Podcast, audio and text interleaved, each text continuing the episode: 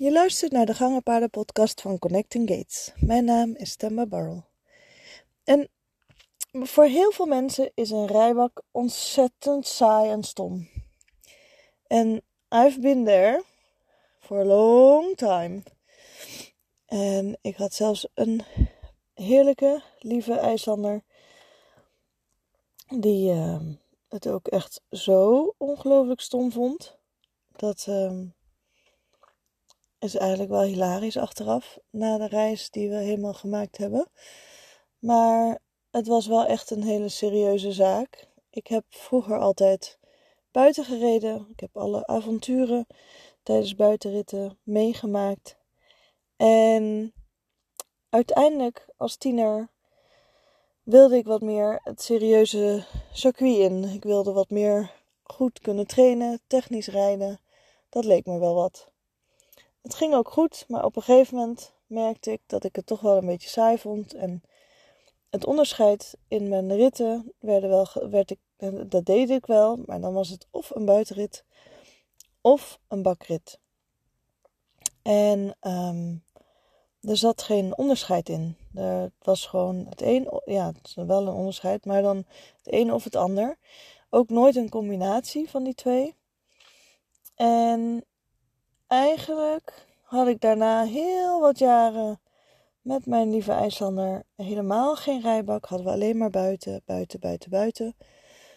Je kan je heel misschien een beetje voorstellen dat daarmee hij ook best wel wat stijver werd. Want um, ook al trainde ik lekker buiten en probeerde ik wel te gymnastiseren, maar echt buiging was wat lastig. Op een gegeven moment had ik wel een heel prachtig um, bos waar ik dan mijn uh, weiland naast had. En daar hadden ze heel veel prachtige kleine paaltjes. En die paaltjes die gebruikte ik dan nog wel om te kunnen slalommen en om daar wat beter in te worden. Maar eigenlijk, ja, het is natuurlijk nooit een correcte lengtebuiging om te kunnen vragen op zo'n stuk. En ik had ook een IJslander die eigenlijk bij elke opdracht die een beetje moeilijker was in zijn ogen en in zijn hoofd, die, die, waarvan hij het misschien zou mogen gaan leren of misschien zou mogen ontdekken, had ik gewoon al een dikke vette nee in blokletters te pakken. En het enige wat hij dan kon als ik door zou gaan is gewoon um, een stijve nek en uh, of 90 graden links of rechts of keihard rechtdoor. maar dan was ik hem kwijt. Um, ja, hilarisch achteraf.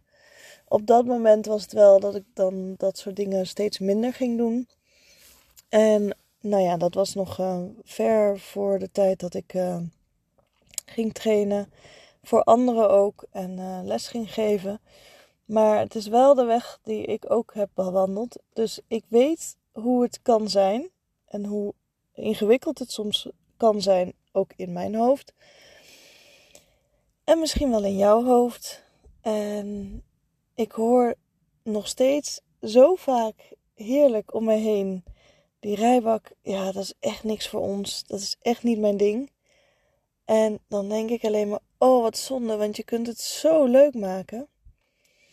Nou, uiteindelijk heb ik, mede door een aantal verschillende adviezen die ik heb gekregen, ik heb ontzettend veel begeleiding gehad van heel veel verschillende instructeurs om ook onder andere mijn papier te gaan halen voor um, een certificering van um, als gangenpaarden trainer en instructeur. Maar in die tijd dat ik dus heel erg veel les had gehad uh, van echt van verschillende mensen. Het ging elke keer over verschillende thema's. Maar één bleef wel elke keer terugkomen. En ik moet je zeggen, als je in Duitsland terechtkomt, dan is daar een, het is gewoon een hele andere cultuur. Heel interessant, echt mega boeiend. Daar wordt veel meer gegymnastiseerd dan hier in Nederland. Daar wordt al op hele jonge leeftijd al echt wel dressuurmatig gereden. En dat wil niet zeggen dat iedereen dressuur moet gaan rijden, maar dat gymnastiseren is wel echt, ja, als je daarin je paard goed kan rijden, goed kan trainen, dan ehm, ja, maak je het eigenlijk voor jezelf en voor je paard zoveel makkelijker. Er zijn gewoon heel wat oefeningen die heel secuur gedaan worden in Duitsland. En in Nederland, in de gangenpaardenwereld heb ik het dan wel echt over, dan is het er nauwelijks. En dat is ook wel een beetje waar ik ook wel voor sta om dat toch wel te laten merken. In Duitsland worden alle jonge paarden geleerd om een wending om de voorhand te doen. En eventueel, als het dan nog wat verder in opleiding is, ook wending om de achterhand. Um, de cirkels op verschillende um, meters. Um, de precisie op hoe je op de letters rijdt. Het wordt met de paplepel ingegoten bij ontzettend veel verschillende gangenpaarden stallen.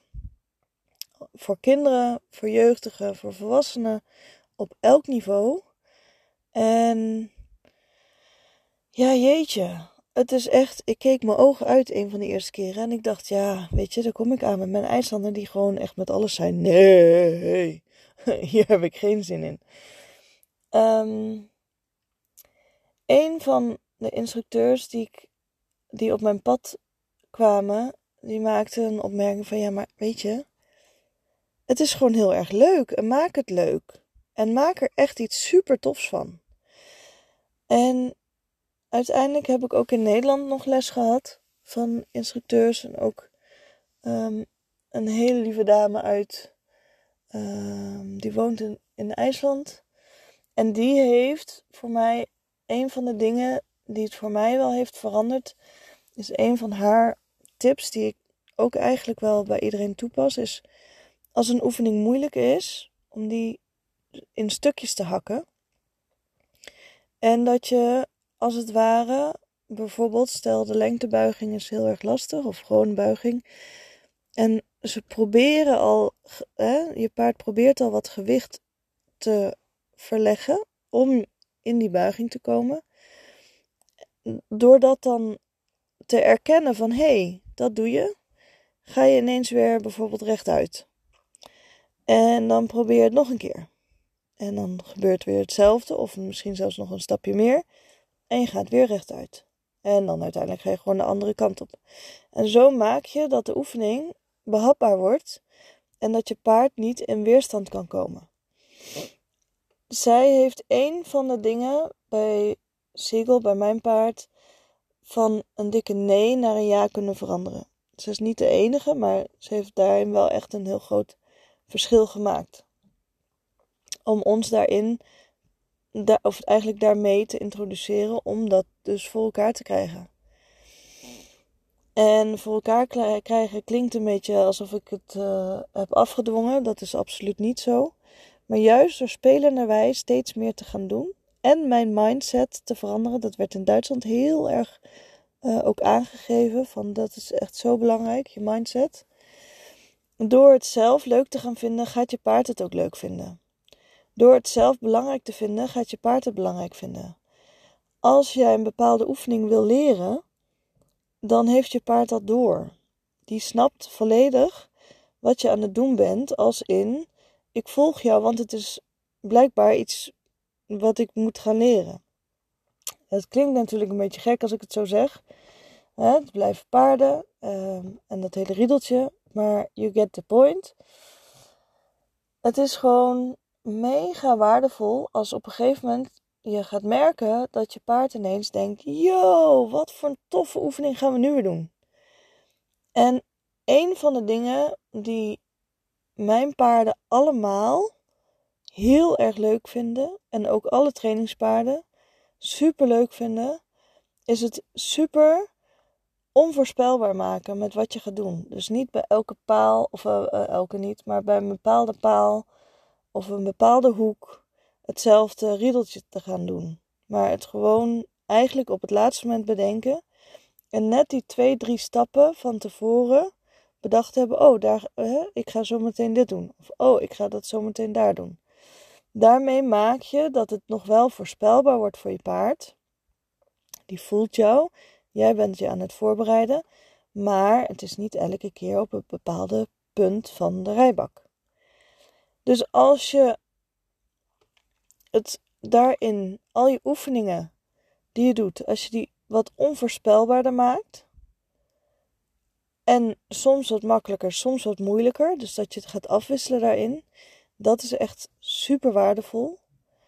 Maar ook het stukje, die oefening wat ik net aangaf. Van het klein, het, hè, als iets heel moeilijk is, een beetje kleiner maken.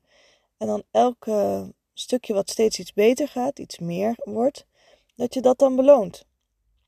Als in um, de hemel de hemel in prijzen of juist rechtuit of allebei.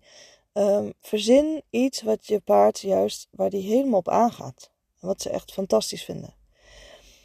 Als je paard het, en zeker in het begin van een dikke vette nee, een uh, een mm, ik wil echt niet iets in die rijbak. Nodig dan uit om alsnog samen iets te gaan doen in die bak, wat echt het meest belachelijk grappig is. Of in ieder geval wat jij heel grappig vindt, waardoor je energie daarin ook heel grappig wordt. En nodig je paard dan uit om, om dat vijf, vijf minuten bij wijze van spreken te doen. Ga dan naar buiten. En ga dat steeds meer uitbreiden. En ga steeds meer afwisselen met helemaal grappig doen naar um, wat serieuzere oefening en weer grappig doen en dan naar buiten. En zo op een gegeven moment heeft je paard door van hé hey, wacht, maar als ik nu wat dingetjes doe die ik misschien wat minder leuk vind. Of, oh wacht, mijn baas vindt het eigenlijk best wel geinig.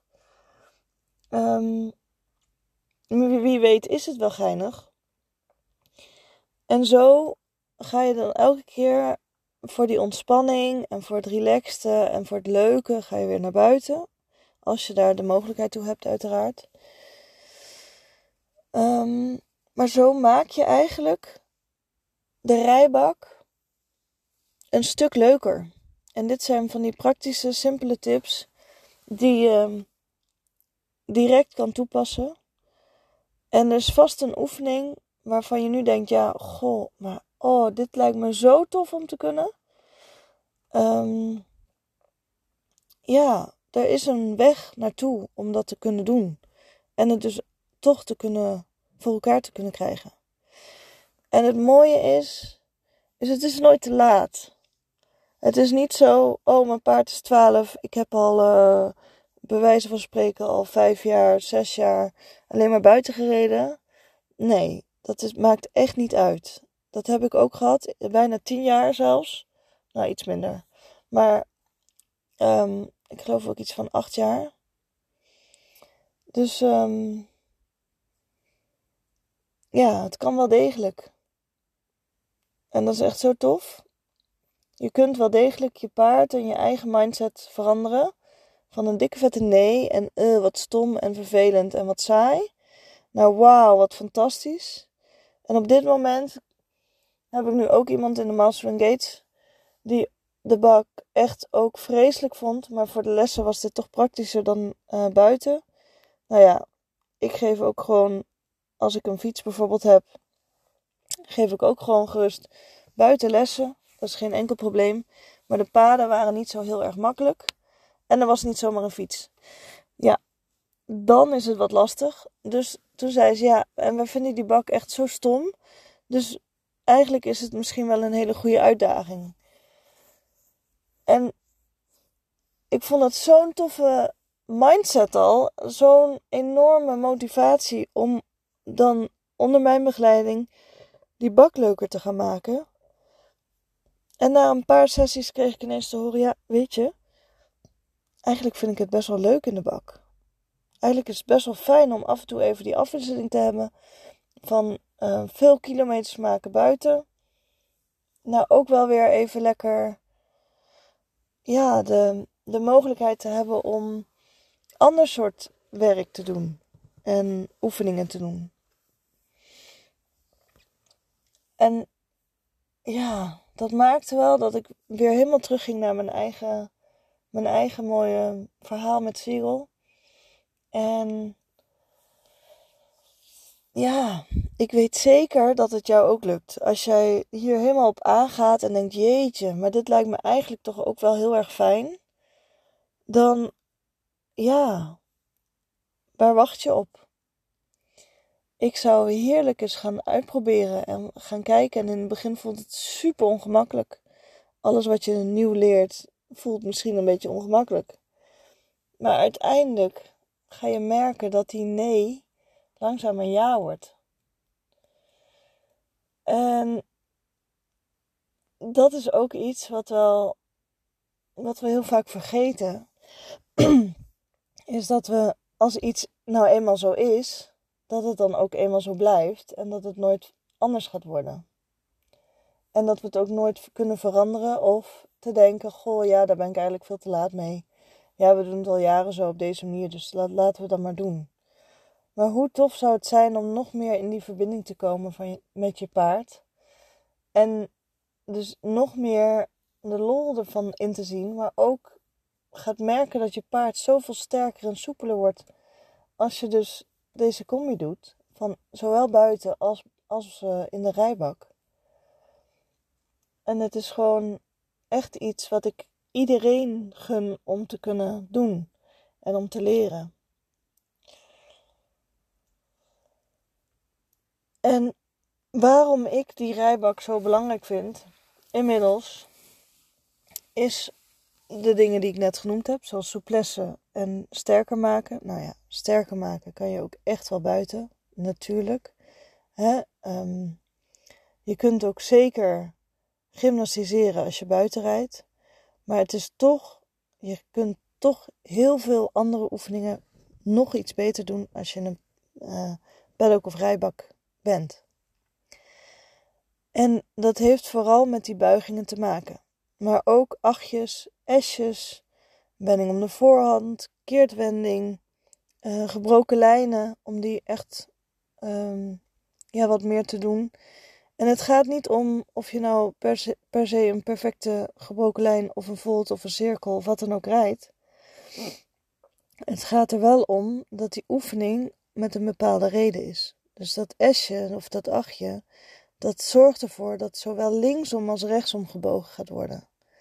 En dat zorgt er ook voor dat jouw hulpen, dat je die kan verfijnen. En nog wat meer dan wanneer je heerlijk gewoon lekker um, buiten bent in, en een flinke strekken gaat maken. Dat al die hulpen die je geeft ook echt een betekenis hebben als in niet allemaal hetzelfde, maar dat het gewoon um, bijvoorbeeld de gewichtshulpen, teugelhulp en je been, dat dat onafhankelijk van elkaar, eh, dus los zeg maar van elkaar, kan, um, ja, gebruikt kan worden.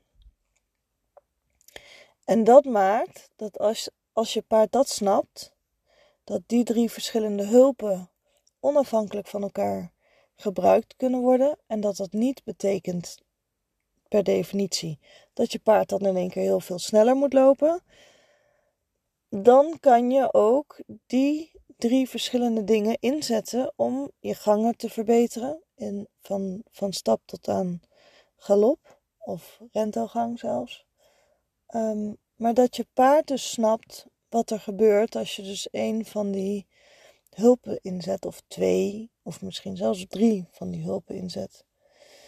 En dat maakt het, vind ik zelf persoonlijk, zo super waardevol en zo belangrijk dat ik het echt iedereen gun om hier meer in te doen en in te leren en in te begrijpen.